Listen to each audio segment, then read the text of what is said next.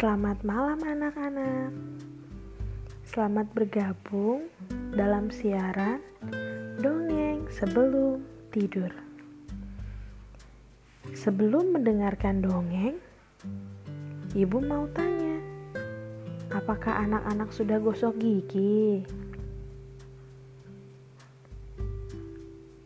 Wah, hebat, sudah gosok gigi. Bagi yang belum, Jangan lupa untuk gosok gigi ya. Nah, sekarang waktunya kita untuk dongeng sebelum tidur.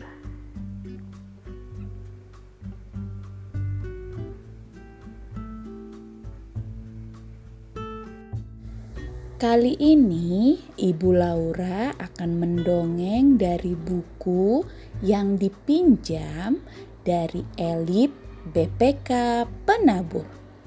Buku cerita karya Chen Chen dengan judul Beruang di Lantai Atas.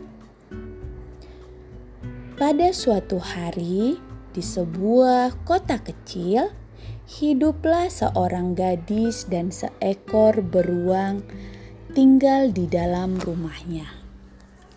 Saat beruang sendirian di dalam rumah, dia selalu berdoa agar waktu cepat berlalu. Setiap malam, beruang berdiri di belakang pintu, berharap mendengar suara gemeretak tangga dari langkah kaki sang gadis. Aku pulang. Hari ini sang gadis membawa sekantong ikan kalengan. Sang gadis membuka kaleng satu persatu, lalu menuangkan seluruh isinya ke dalam panci besar. Dia mulai merebus dan mengaduknya. Makan malam sudah siap. Wow, meja makan dipenuhi dengan makanan lezat. Salah satunya adalah makanan kesukaan beruang, sup ikan. Beruang tidak dapat menunggu lebih lama lagi. Dia mulai melahap makan malamnya.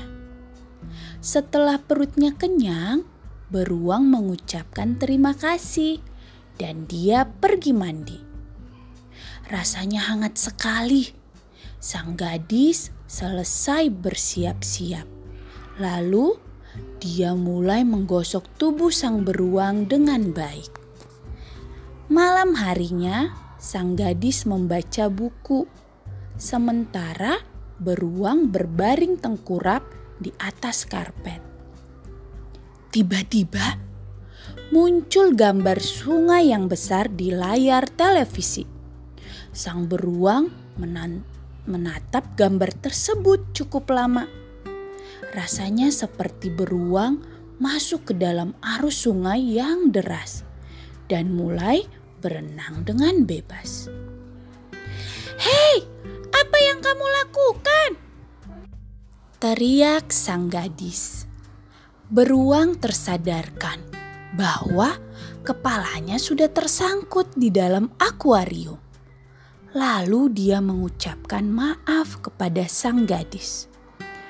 Keesokan harinya, sang gadis pergi seperti biasanya.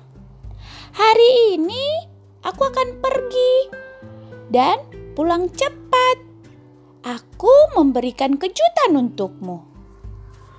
Sepanjang hari beruang berdiam diri di samping jendela dan berpikir kejutan apa yang akan didapatkannya. Kapan sang gadis pulang? Dia terus-menerus berpikir hingga tertidur. Cahaya matahari mulai memudar dan berganti dengan cahaya lampu jalan yang mulai bermunculan. Akhirnya, sang gadis tiba di rumah.